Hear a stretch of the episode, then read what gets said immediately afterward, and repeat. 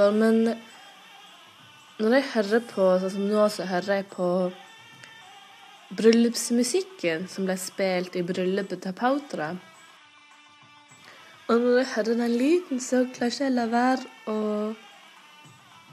begynne å gråte. Og jeg skjønner ikke helt hvorfor. Fordi her sitter jeg og er god og mett, drikker en kaffe, det, det er fint vær, sola skinner. Livet mitt er bra. Og så hører jeg den musikken, og så Iallfall nå som jeg sitter alene her for meg sjøl, så griner jeg.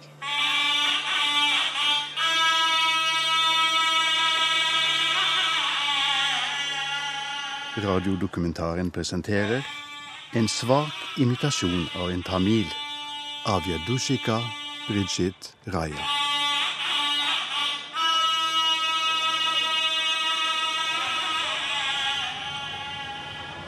Tamila final boarding book which outlines the case Tower 63 from Heathrow coverage with one Water Lines.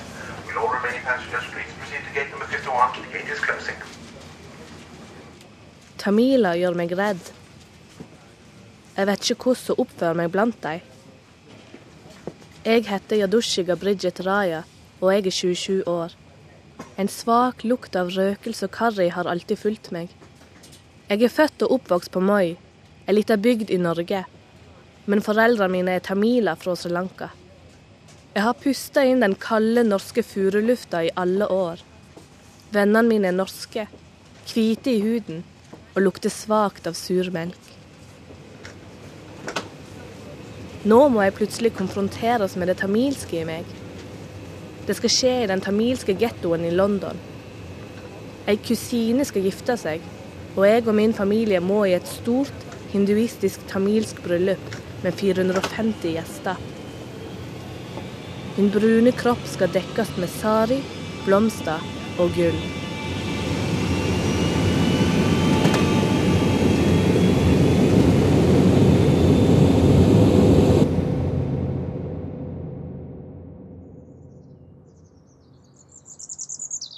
Men så er det liksom skjedd noe med meg siden jeg var 25.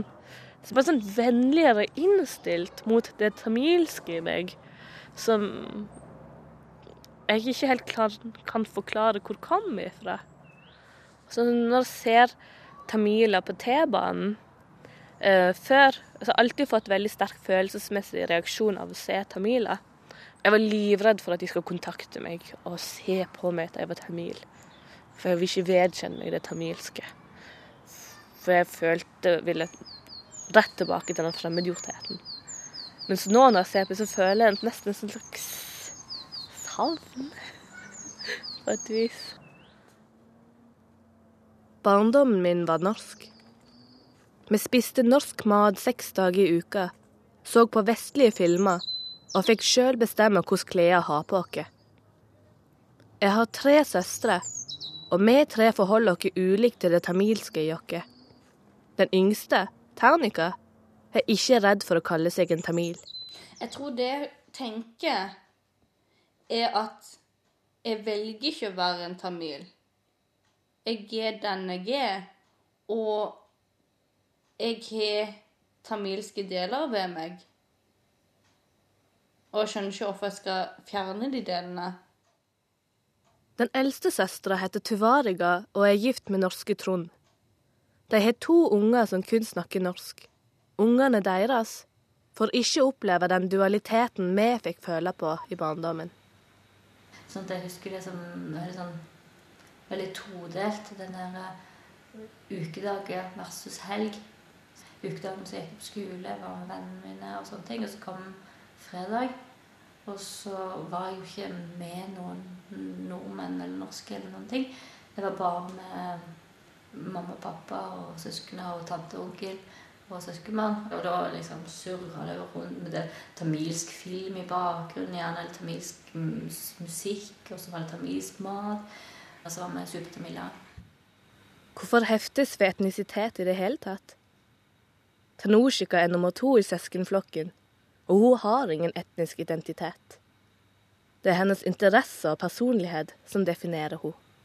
Det var ganske tøft å vokse opp sånn og ikke føle at man har tilhørighet noen steder. Men det er derfor det, liksom, det fikk sånn ekstra stor plass, det med interessene mine. At jeg veldig tidlig interesserte meg for f.eks. film eller tegneserie, musikk. Det på en måte ble min eh, utvei, da. Norsk bindestrek tamil. Jeg og søstrene mine er bindestreken. Barndommen er full av innvandrerklisjeene om hvordan foreldrene våre måtte jobbe for å tilpasse seg det nye landet. Som når Tanushika skulle ha med seg ei matpakke på tur. Det var en tur med musikkskolen, tror jeg. Da var jeg kanskje sju år gammel. Og da skulle vi dra ut på tur.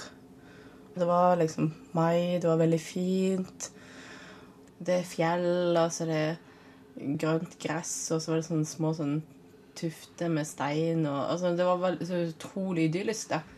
Og det var første gang man skulle ta med seg matpakke. Jeg tok med meg eh, husholdningssaft på termos og en pakke med cheese doodles som var sånn liten pakke. Og da har mamma bare tenkt at Tatt sånn tips fra sine søstre som bor i London, kanskje. Og jeg var jo veldig glad, for da fikk jeg liksom tatt med cheese doodlesen og var kjempeglad. Og så la jeg merke til de andre tok med seg H-melk og skive med brunost. Og, da, og når jeg tilbydde de andre ostepop, så ville de ikke ha. Og jeg tror ikke, De takka jo høflig nei. Men det var en sånn, sånn greie. De, de, var med i en sånn hemmelig klubb der de visste hva slags matpakke de skulle ha med seg. Mens jeg og mamma visste ikke det.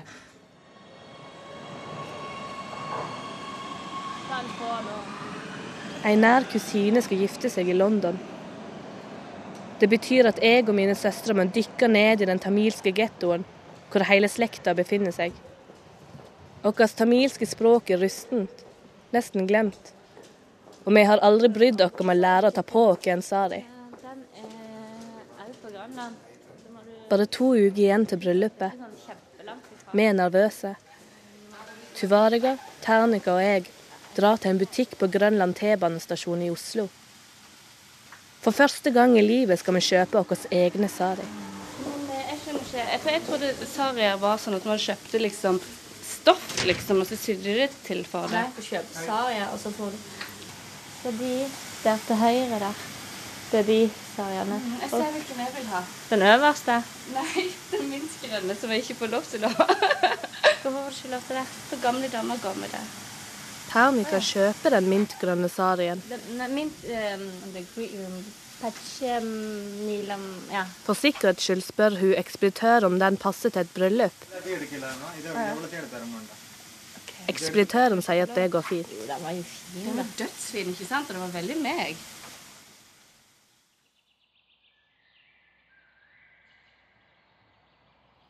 Foreldrene mine kom til Norge i 1975 etter råd fra en god venn, som hadde vært på en motorsykkeltur i Europa. Vennen hadde med seg en norsk kone.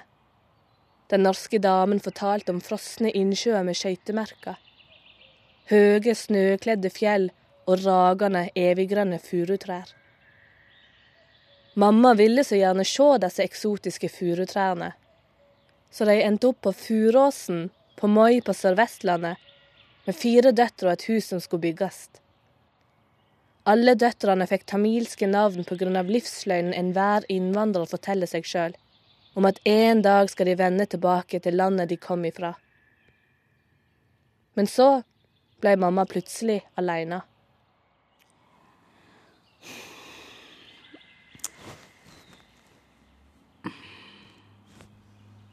Jeg klarte ikke begynnelsen, jeg klarte ikke å takle.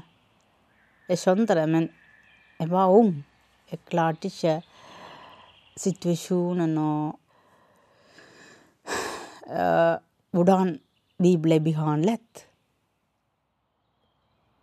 Huset ble aldri ferdig bygd. På loftet består fortsatt halve gulvet av glava. Veggene på lekerommet skulle tapetseres med figurene i Muppet Show. I stedet ble rommet fylt med rustent skrot og forkasta møbler.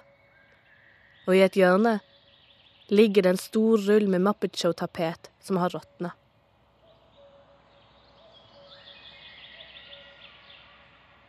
November 1987 døde pappa av kreft.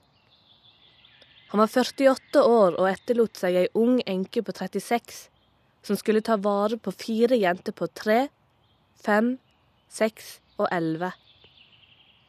På slutten kunne han ikke gå, og den tynne, beinete kroppen så ut som en hudsekk med kreftsvulster.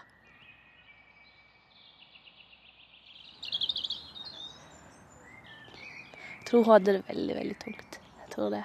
Um, for det, må huske at det er jo ikke bare det at du mister en mann. Altså Bare tenk deg da, være 36 år, akkurat begynt å bygge et familieliv, og så mister du partneren din. Du er helt alene, men hun er helt alene i en ny kultur. Ny, nytt samfunn. Og hun er vant til en kultur der mannen skulle forsørge henne, så hun hadde jo ikke ruk... Altså Det var ikke planen, det. Han før han det første han gjorde, var jo å begynne å lære henne Gi henne kjøretimer. Veldig sånn praktisk mann. Fordi at uh, hun måtte kunne kjøre.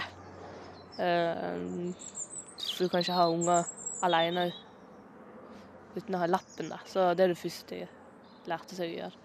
Så mamma har fortalt i ettertid at de pleide å legge oss, og så gå ut etterpå i stua, og så grein hver kveld. så Jeg tror mamma er det eneste mennesket jeg vet om det. Det kompliserte ting litt. I hvert fall med det tamilske. Det var akkurat som muligheten til å være mer tamilsk døde med pappa. Og tamilsk kultur er litt Det er vanskelig for jenter. En kvinne må være ekte kvinne. Du må være pen, må studere, du må lage mat, må passe på mannen din, du må passe barna dine og sånn. Og så Du må være alt. Det tamilske miljøet kan være brutalt mot ei ung enke og hennes fire døtre. Med sultne mannlige blikk og overkjørende slektninger. Vi valgte øde frihet i Norge. Alle kan hive skitt vi var litt av sånn risikofamilie og sånn unge barn og bare jentunger og en ung kvinne som ble enke. Begge familiene, mannen sin familie og min familie, de prøvde å involvere og sånn oppdragelsen min. Norsk-tamil. Det betyr at jeg er delt, gjør det ikke? Det har sine styrker å være flerkulturell. Man kan velge det beste ut fra to verdener. Mat, språk, moral, kunnskap. Men av og til kan det beste man besitter, være det ensomste man har. De beste vennene mine Det er en del av min verden de har ingen anelse om. Og det er veldig rart, og det er veldig ensomt. Uh, at min beste venninne jeg kan prøve å forklare, men jeg finner ikke ord for å forklare hvordan jeg føler jeg har det når jeg er blant min slekt. Ikke på en måte som hun noen gang vil kunne forstå, tror jeg, når du ikke sjøl har den dualiteten, da. Så i forhold til det tamilske, så føler jeg det så mye Jeg har så mye inkompetanse. Men samtidig så blir jeg veldig lei meg når folk sier til meg at ja, men du, du er jo norsk, du. Og så bare avfeier det tamilske i meg.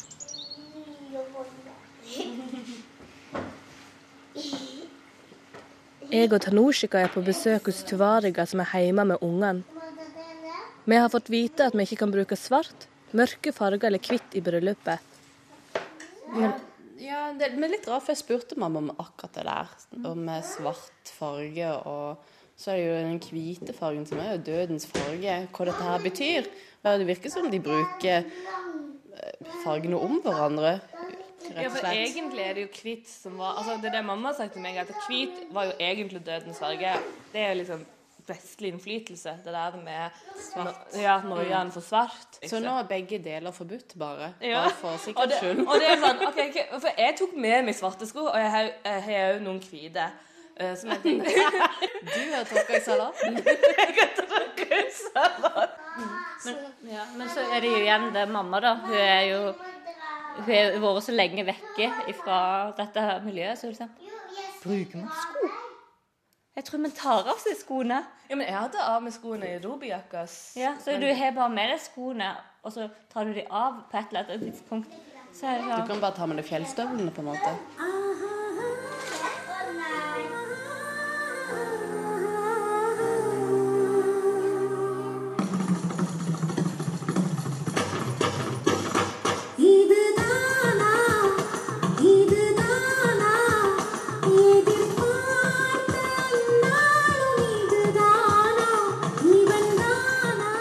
Noen ting utløser minner. Kanskje det er det som skjer med meg når jeg hører tamilsk musikk? Jeg har skamma meg for å innrømme det før, men jeg elsker egentlig tamilsk musikk.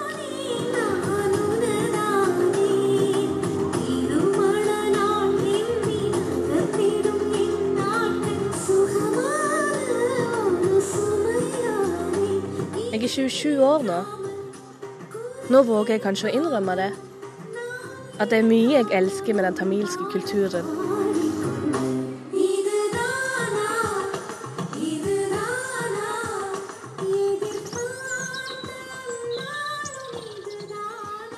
Uh, jeg opplever den norske kulturen som uh, mer reservert, da, på et vis. Kanskje nordmenn. Kanskje de er litt som en god God grå ullgenser.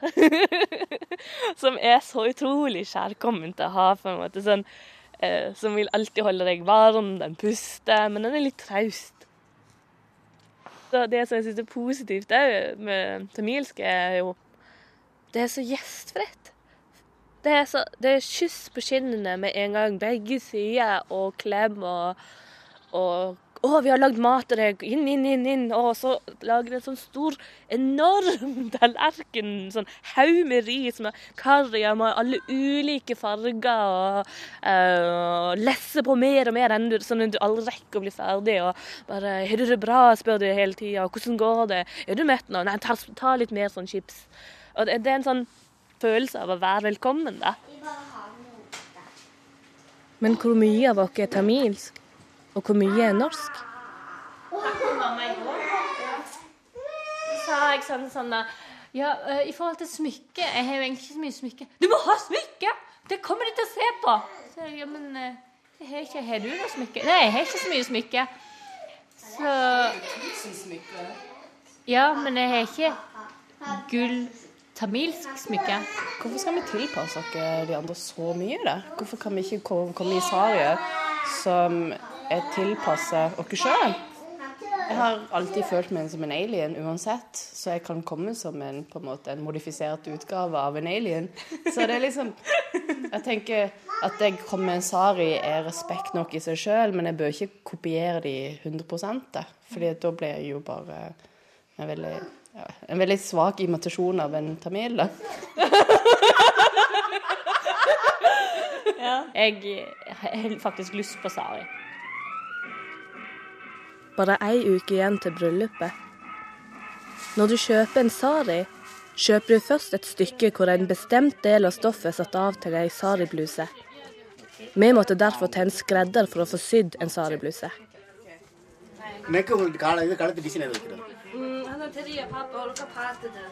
På veggen henger glansa fargerike plakater av hinduguder. Rommet er overfylt med madrasser, batterier og verktøy og helt innerst i hjørnet står en symaskin og ulike gullkanta silkestoffer. Hæ? Jeg, ja. jeg, litt, ja. jeg, prøvde meg med litt lengre arm, men det gikk ikke. Jeg prøvde å spørre om litt lengre arm, men Ja, men jeg, jeg skal være litt uh, insisterende, tenkte jeg. Ja. Jeg, jeg, jeg skal betale for dette, så da vil jeg ha lang arm. Av og til er det de små, tilsynelatende betydningsløse tingene som gir en følelse av kontroll. Mm. Mm. Så man får lov til å sy si sin første saribluse akkurat sånn som man ønsker det skal være.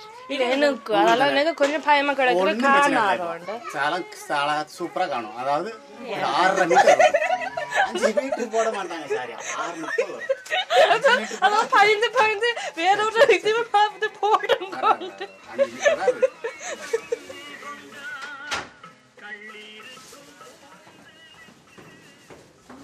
Ja, hva syns dere? Jeg, jeg, jeg er faktisk veldig letta, for jeg syns han virker så flink. Ja, og så syns jeg faktisk han var liksom en behagelig person. Så jeg følte ikke at han var sånn æsj, æsj, æsj, han kikker på meg. Nei, han var, liksom, han, han var sånn respektfull i forhold med måte på Ja. Han kom ikke bort til puppene sånn tilfeldigvis. Eller. Nei. Og så syns jeg det var litt guffent at eh, fristen er den åttende, og vi skal reise den niende. Men eh. Mamma ville veldig gjerne at vi skulle få den friheten som norske kvinner nyter godt av. Samtidig ville hun at vi gjerne skulle ha et godt forhold til vår tamilske slekt. Det førte til konflikter. Åh, så mye baluba det ble. Jeg var, at jeg hadde gått sånn tacky kledd.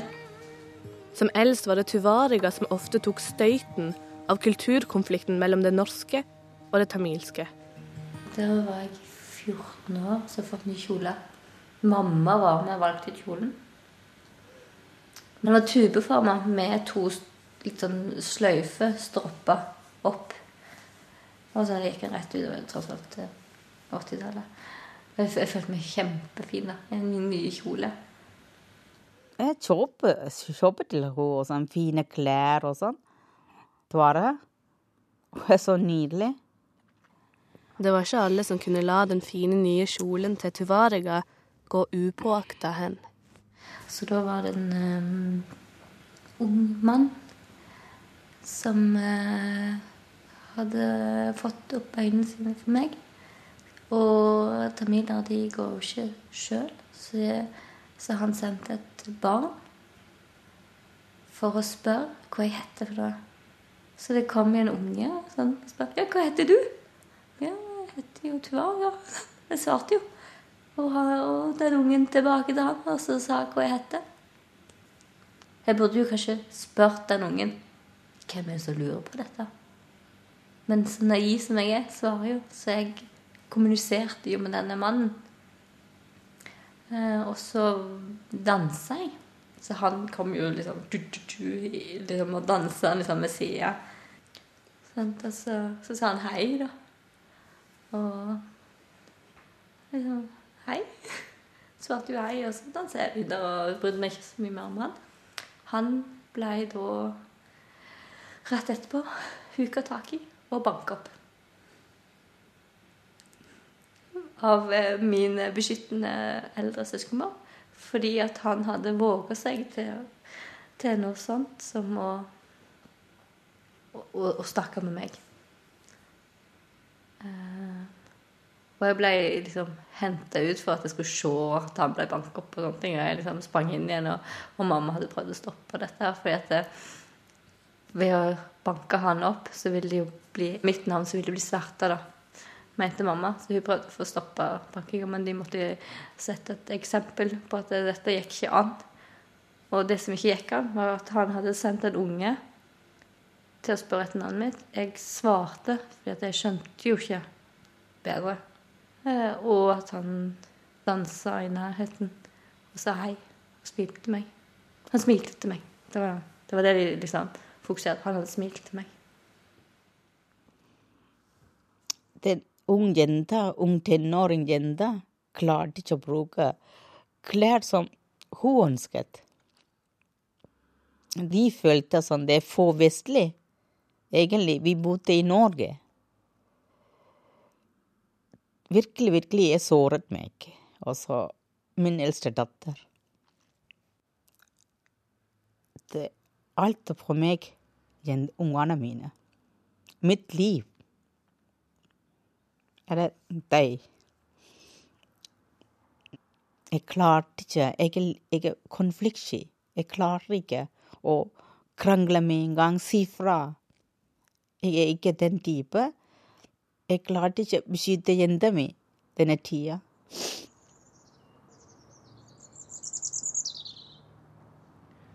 Jeg har alltid tenkt at problemet er at jeg er, de, er det tamilske miljøet den tamilske kulturen, og at jeg ikke har skjønt den. Og det er det som gjør at jeg er så usikker når jeg drar til London.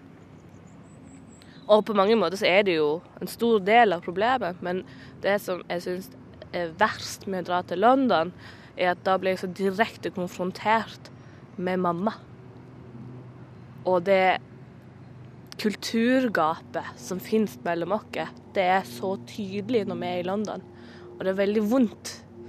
Fordi at plutselig klarer du ikke å kommunisere med noen du kjenner veldig godt og elsker og vil alt vel.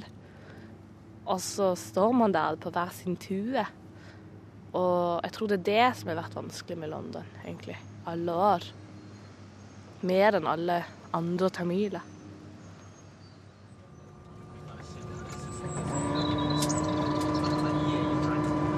Ladies and gentlemen, on behalf of the captain and the entire crew, we'd like to welcome you here London Heathrow Terminal 5. Local time here now is just approaching 5 to 1 in the afternoon. London, en multikulturell metropol med 7,6 millioner innbyggere, med mer enn 300 morsmål.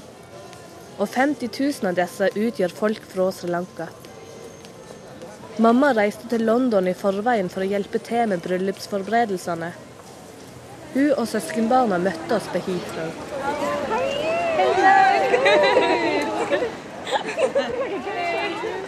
Sånn, vi må, vi tenkte å sånn, kjøre til gullsmed. Også litt. Gullsmed, tok du med Nei. oppholdssmykke til meg? Forhold til deg, vi er kjempefattige. Ja, men vi, vi er jo de fattige i familien. Eller for å si det sånn, men problemet, mamma, at jeg har liksom heller kjøpt meg en iPhone enn et gullsmykke for 5000. De gjør også alt. OK, greit. Da er jeg fattig. Vil du at vi skal kjøpe smykker? da? Tuvarig har kjøpt smykke, mamma. Har hun har kjøpt øredobber. De var veldig fine, og det er gull. Ja. Når er det det bryllupet begynner? Sånn altfor tidlig. Altfor tidlig. Når er det? Men eh, de, seremonien begynner sånn eh, klokka fire. På morgenen? Om Mamma! Morgenen? Er det midt på natta? Du, er de gale i hodet? Nei, men hallo, er ting åpne da? Det er sånn, egentlig sånn, de bare en seremoni som heter Batram. det sånn, alle må velsigne og sånn, ta på litt eh, sånn spesielt vann, og så bader hun. Ikke sant? Blodet er ikke alltid tjukkere enn vann. I hvert fall ikke når hele slekta di har hermetisert en tamilsk kultur fra 90-tallet som de tror de husker. Gjennom hele oppveksten så har de bydd på så mange problemer som følge av kulturkonflikt at jeg har ikke vedkjent meg de. Jeg har bare vært sint på de og tenkt at de er bare slemminger som krever at jeg skal være på en spesiell måte. Det er virkelig sant det uttrykket med at uh, veien til helvete er gode intensjoner. Fordi at alle vil godt på sitt vis, men når man har ulike koder for hva godt er, så blir det krasj for alle.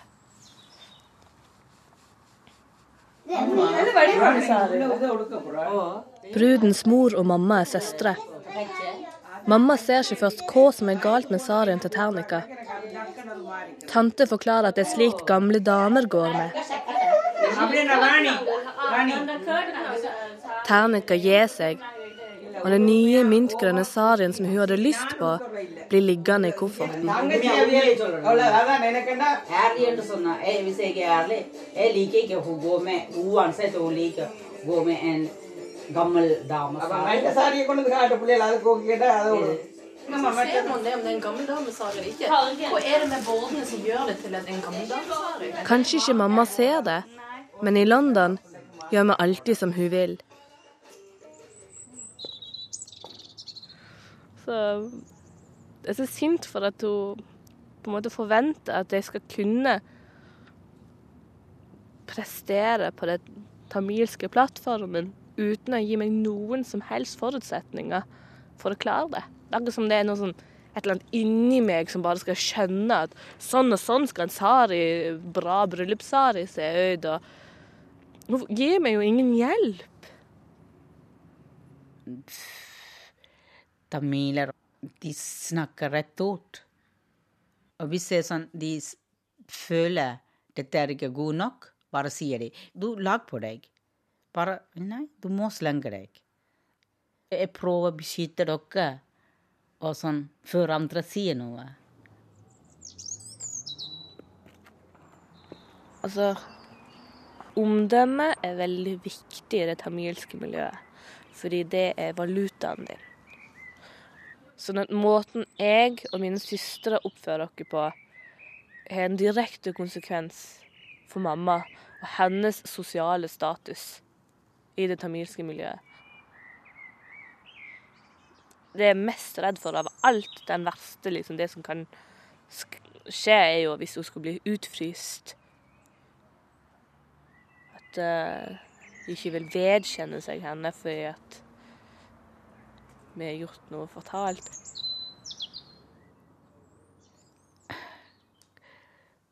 Jeg stopper puster på en måte, jeg klarer ikke en eneste ord. Da bare tar dere med en gang dette er kritikk. Hvorfor sier du? Da jeg føler meg ikke noe frihet. Jeg må, jeg må lukke munnen. Jeg kan ikke være den personen som jeg er. er Sånn, jeg, uansett du bor i et land og sånn, genen min er tamilsk. Mamma vil aldri få se sine egne døtre gifte seg et stort tamilbryllup. Aldri få se håret vårt som lange, svarte fletter i sitt blomster. Se armer, ører og hals dekket av gull og diamanter. Og den røde og gullfarga brudedrakten på kroppene våre. Men nå skal vi i bryllupet til kusina vår. Og mamma kan ikke dy seg fra å drømme om hvordan hennes egne døtre vil se ut kledd som tamiler. Drømmescenarioet mitt er dere bruker fine sari og sånn alle andre tamilske jentene bruker i sånn gjøre. Og så bruker smykker og bruker blomster og En gang skylder jeg veldig lyst til å se på dere. Ja. Jeg, jeg ønsker meg å sånn være en tamilsk, egentlig. I morgen iallfall, en gang skyld. Og vil se på dere.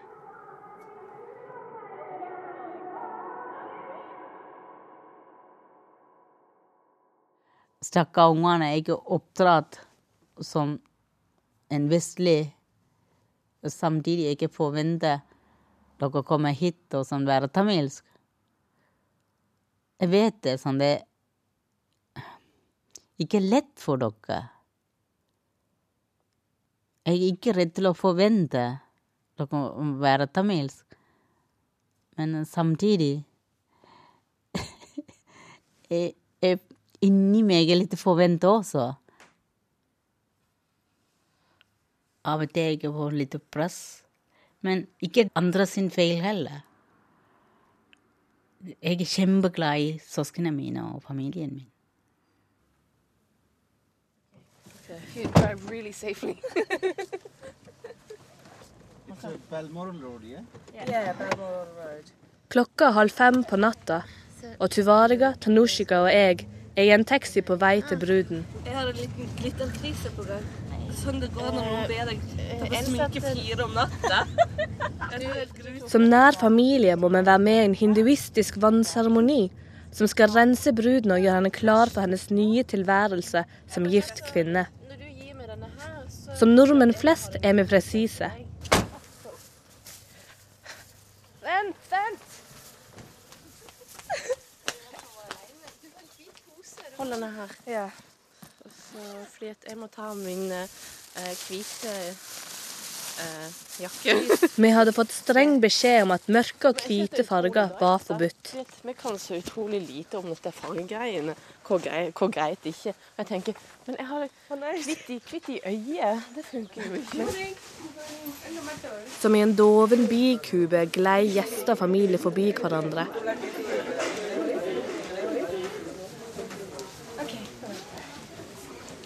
Bruden er fortsatt i pysj. De høye oljelampene i stål var tent.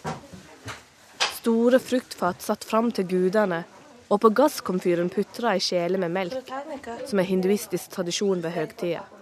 Bruden gikk i pysj. Ja, jeg, jeg så det. Jeg ble sjokkert. Jeg bare, hæ? Det var til og med litt sånn kjip flanellspysj. Du glemte at det var bryllup? Jeg så en mann med brun skjorte. Jeg så en mann Jeg så en i svart. Ja, svart skjorte. Og en hel, hel haug med svarte sko. I håret har jeg satt en krans av jasminblomster.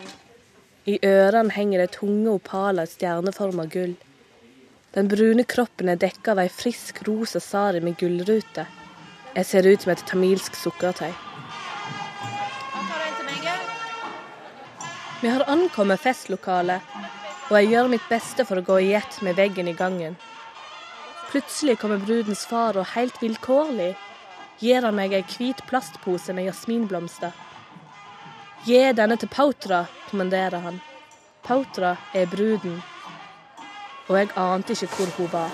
Do you know where Pautra is? Is it in here? Has she arrived yet? I. Yeah, she has. Yeah, so I'm supposed to give her some flowers. Oh, okay. Okay, maybe it's in. But it's this just... Well, we just put the flowers in there, Okay. Ok, Det var feil rom. Og de er allerede en time forsinka. OK. Ah, kanskje den her er Men jeg ser det som det er baksiden av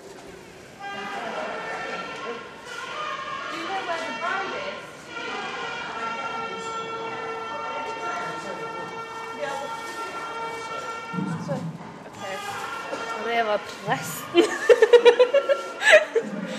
OK, og nå kommer alle og følger etter meg fordi jeg ikke klarte oppdraget mitt. Is that where Papa is? Is she... Oh, okay. Hi. Some flowers. Uh, I was supposed to bring. Jeg blir letta over å finne Tanoshika i samme rom og gå bort til henne. Vi ser fantastiske ut. Likevel får vi føle på den ærlige og konfronterende tamilske kulturen. Kanskje vi har litt for lite sånn dildal for sarien vår, Tanoshika? De første folk sier liksom at, Hva er greia med bluser? Og så går de. Ja. Jeg er, hvis jeg får tørre, er du har kort, guttete hår. Så, det er ikke, de har skjært bort alt, har de ikke. Så, men det ble litt bedre at jeg fikk eh, surra rundt en blomsterkrans. så, så, jeg føler meg fem år gammel. der. शिवनामदेस्य नप्रे सिल्वमुत्तुनामदेस्य भौत्राय सिल्वराजानामदेस्य पुत्राय नलिनिकान्तनामदेस्य मां वराय तुभ्यम् Jeg setter meg ned blant de 300 ankomne gjestene og ser på brudeparet på scenen. Det gnistrer i farger. Påfyllfarge, oransje, lilla, rødt, grønt, blått. Sariaen og blomstene minner om jungelen på Sri Lanka. Rommet skinner i gull, diamanter og rubiner. Mamma er nydelig. Hun har en sterk oransjefarga sari og ei lilla bluse. I håret har hun festa blomster for første gang siden pappa døde.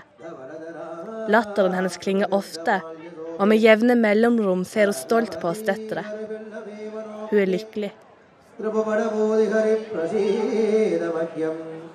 Vishnu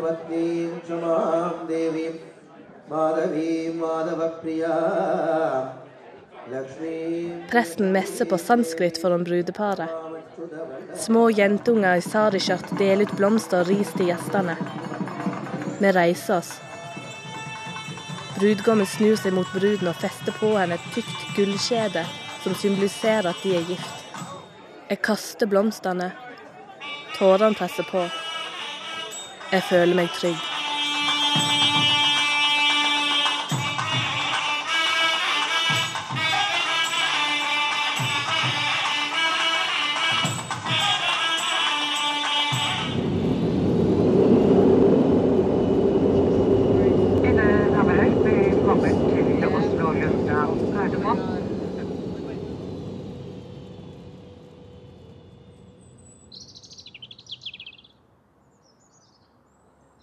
Tilbake på ei benk i Oslo.